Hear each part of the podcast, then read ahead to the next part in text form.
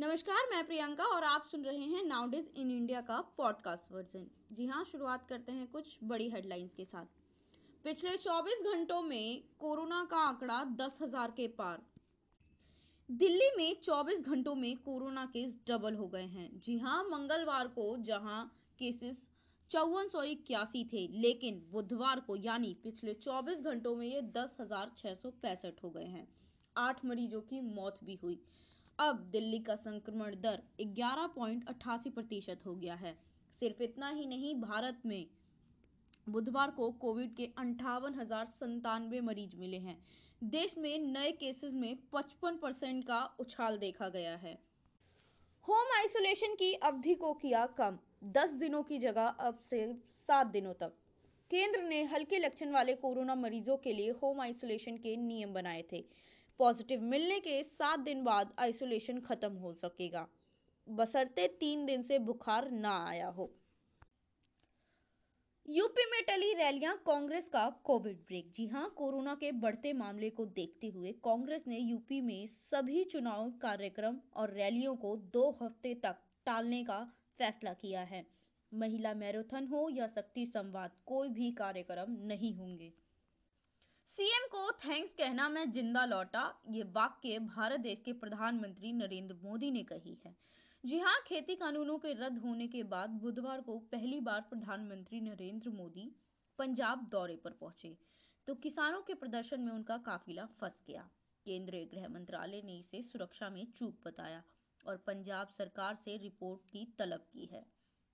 दरअसल बटिंडा एयरपोर्ट में हुसनीवाला सही स्मारक जा रहा था। प्रधानमंत्री नरेंद्र मोदी का काफिला एक फ्लाईओवर पर 20 मिनट तक फंसा रहा। प्रधानमंत्री को बैरंग एयरपोर्ट लौटना पड़ा।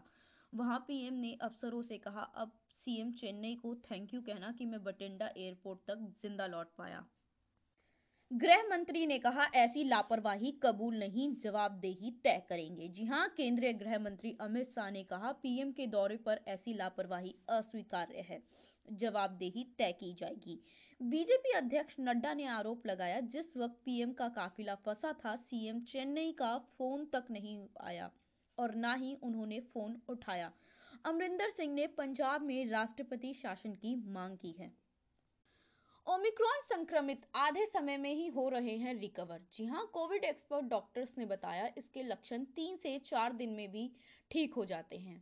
दिल्ली में कोरोना तेज़ी से फैल रहा है। लगातार नए मामलों में संख्या में बड़ा उछाल देखा जा रहा है। राजधानी में पहले से मौजूद कोविड के डेल्टा वेरिएंट के साथ साथ अब ओमिक्रॉन वेरिएंट भी फैल रहा है। लेकिन राहत की बात है, अभी तक ये वेरिएंट माइल्ड है और डेल्टा की तुलना में आधे से भी कम समय में इसका इलाज हो जा रहा है। एम्स के वेबिनार में ओमिक्रोन पर चर्चा। फिर से कोरोना के बढ़ते मामले में ओमिक्रोन वेरिएंट के ज़्यादातर मामले सामने आए हैं। इसे देखते हुए बुधवार को एम्स में वेबिनार का आयोजन किया गया। जिसमें ओमिक्रोन के इलाज पर चर्चा हुई। डॉक्टर रणदीप गुलेरिया के साथ साथ सभी सीनियर डॉक्टर इसमें शामिल थे और सभी ने इस बात पर सहमति जताई कि ओमिक्रोन से ज़्यादातर माइल्ड बीमारी हो रही है और अधिकतर युवा पीढ़ी ही संक्रमित हो रहे हैं। एम्स के डॉक्टर का कहना है, माइल्ड की वजह से ज़्यादातर मरीज़ को हल्की बीमारी हो रही है। इसका इलाज दवाओं से भी संभव है। वहीं डॉक्टरों ने अपने मन से स्टेरॉइड रेमडेसिविर और मोनोकोकल जैसी दवाइयों के इस्तेमाल से बचने की सलाह दी। सत्येंद्र जैन ने लॉकडाउन की कश्मकश को किया दूर। दिल्ली में कोविड के मामले अब एक दिन में ही डबल हो रहे हैं। स्वास्थ्य मंत्री सत्येंद्र जैन का कहना है, अब ज़्यादातर मरीज़ ओमिक्रोन्स के ही सामने आ रहे हैं। विदेशों से दिल्ली आने वाले लोगों में इस वेरिएंट का सबसे ज़्यादा संक्रमण पाया जा रहा है। हालाँकि अभी ओमिक्रोन के पीड़ित मरीजों को ऑक्सीजन लगाने की ज़रूरत नहीं पड़ी और ज़्यादातर मरीज़ में मामूली लक्षण ही दिख रहे हैं। दिल्ली के हालातों पर स्वास्थ्य विभाग पैनी नज़र रखे हुए है। उन्होंने कहा, दिल्ली में फ़िलहाल लॉकडाउन नहीं लगेगा। निर्माण कार्य भी जारी रहेंगे। मजदूरों को घबराने की कोई ज़रूरत नहीं है, ये प्रतिबंध आम लोगों के लिए ही भलाई के लिए है और उनकी सुरक्षा के लिए। कोविड अस्पताल बनाए जाने पर डॉक्टर कर रहे हैं विरोध। जी हाँ, एम्स प्रशासन ने ट्रामा सेंटर को फिर से कोविड अस्पताल में तब्दील करने का आदेश जारी कर दिया है। लेकिन यहाँ काम करने वाले रेसिडेंटल डॉक्टर इसका विरोध कर रहे हैं।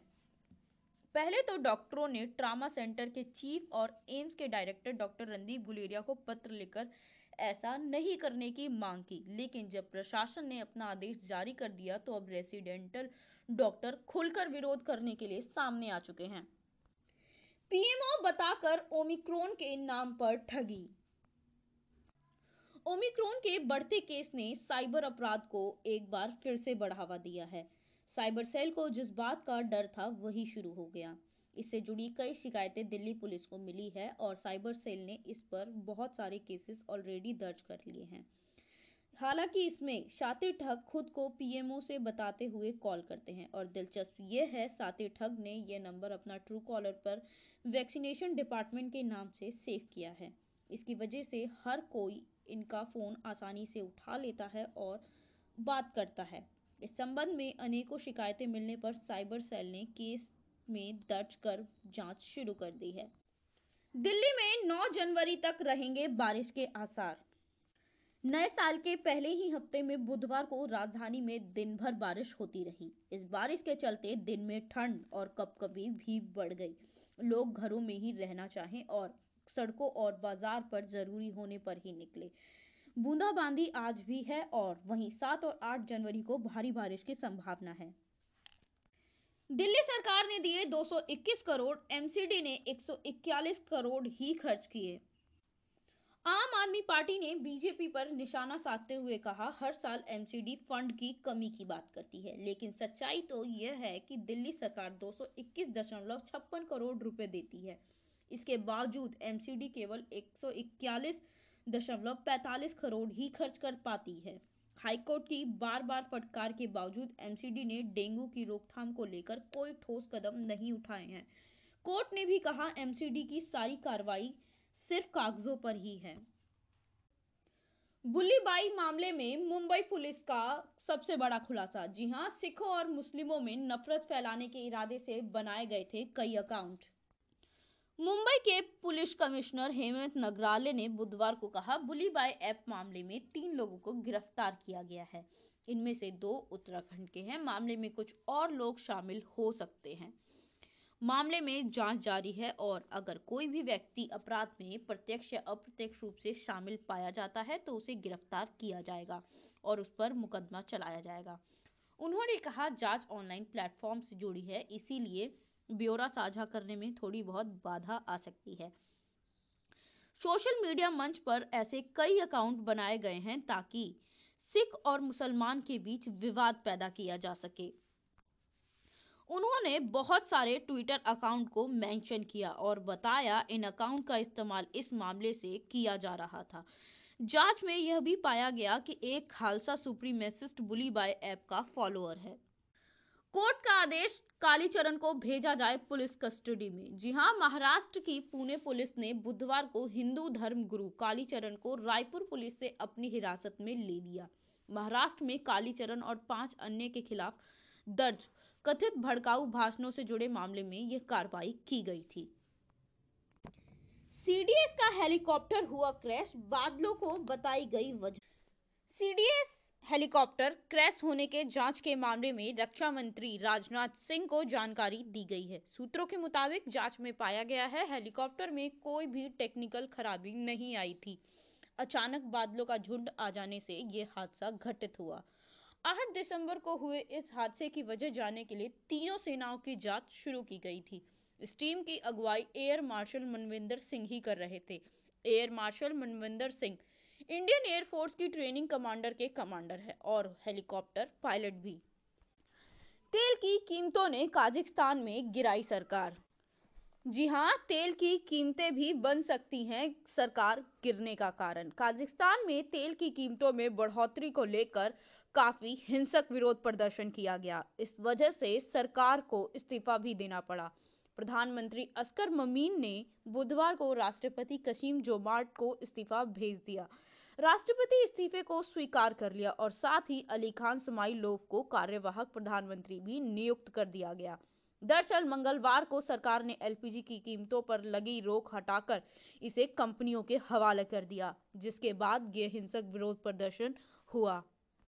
बिजली करंट से हाथियों की मौत का मामला अब सुप्रीम कोर्ट तक पहुँच गया है। देश भर में बिजली करंट से हाथियों की होने वाली मौत का मामला अब सुप्रीम कोर्ट पहुँचा है। सुप्रीम कोर्ट में दाखिल याचिका में कहा गया, करंट से हाथियों की मौत हो रही है और उसे रोकने के लिए कारगर कदम उठाने का निर्देश दिया जाए। झारखंड में बस और ट्रक भिड़े 16 लोगों की मौत। झारखंड के पाकुड़ में बुधवार सुबह अमड़ापाड़ा थाना क्षेत्र के एलपीजी गैस सिलेंडर ले जा रहे ट्रक की टक्कर एक बस से हो गई। इस हादसे में 16 लोगों की मौत हुई है, जबकि 26 लोग घायल हुए। पाकुड़ में एसडीपीओ अजीत कुमार विमल ने बताया कि ट्रक सामने से आ रही थी और यात्री बस से टकरा गया था। पाकिस्तान सहित जैसे के तीन आतंकी ढेर। जी हाँ, जम्मू कश्मीर के पुलवामा ज़िले में बुधवार को सुरक्षा बलों के साथ मुठभेड़ में जैसे मोहम्मद के तीन आतंकवादी भी मारे गए। पुलिस के एक अधिकारी ने बताया, सुरक्षा बलों ने पुलवामा के चंदगांव गाँव में घेराबंदी कर तलाश अभियान शुरू कर दिया, जो मुठभेड़ में बदल गया। कल ही होगा यूपीएससी का एग्ज़ाम, कोविड की वजह से नहीं टलेगा। दी हाँ दिल्ली हाईकोर्ट में आज इस मुद्दे पर हो सकती है सुनवाई। संघ लोक सेवा आयोग, यूपीएससी ने बुधवार को कहा, सिविल सेवा मुख्य परीक्षा 2021 अपने निर्धारित कार्यक्रम के अनुसार ही होगी। कोविड 19 की वजह से इसमें कोई चेंजेस नहीं आएँगे। प्रतिबंध को ध्यान में रखते हुए आयोग ने राज्य को यह सुनिश्चित करने का आग्रह किया कि उम्मीदवार और परीक्षा अधिकारियों को आवाजाही में कोई असुविधा ना हो, खासकर निश्चित क्षेत्र से आने वाले लोगों को। आईटी छापों में 100 करोड़ रुपए निवेश के दस्तावेज़ बरामद जी हाँ इनकम टैक्स की ओर से आगरा के चार सू एक्सपोर्टर्स के ठिकाने पर मंगलवार से चल रही छापेमारी बुधवार को जारी रही। छापे में 100 करोड़ के निवेश के दस्तावेज़ बरामद किए गए। इन चारों ने मिलकर दिल्ली आगरा रोड के प्राइम लोकेशन पर बड़ी ज़मीन खरीदी थी। कुल 100 करोड़ का निवेश इसमें किया गया। चार निर्यातकों की हर प्रोजेक्ट में साझेदारी मिली है। इनका जूता इकाइयों के बीच काफ़ी लेन देन रहा। अब तक के लिए सिर्फ़ इतना ही, बाकी सभी अपडेट के लिए जुड़िए कल सुबह।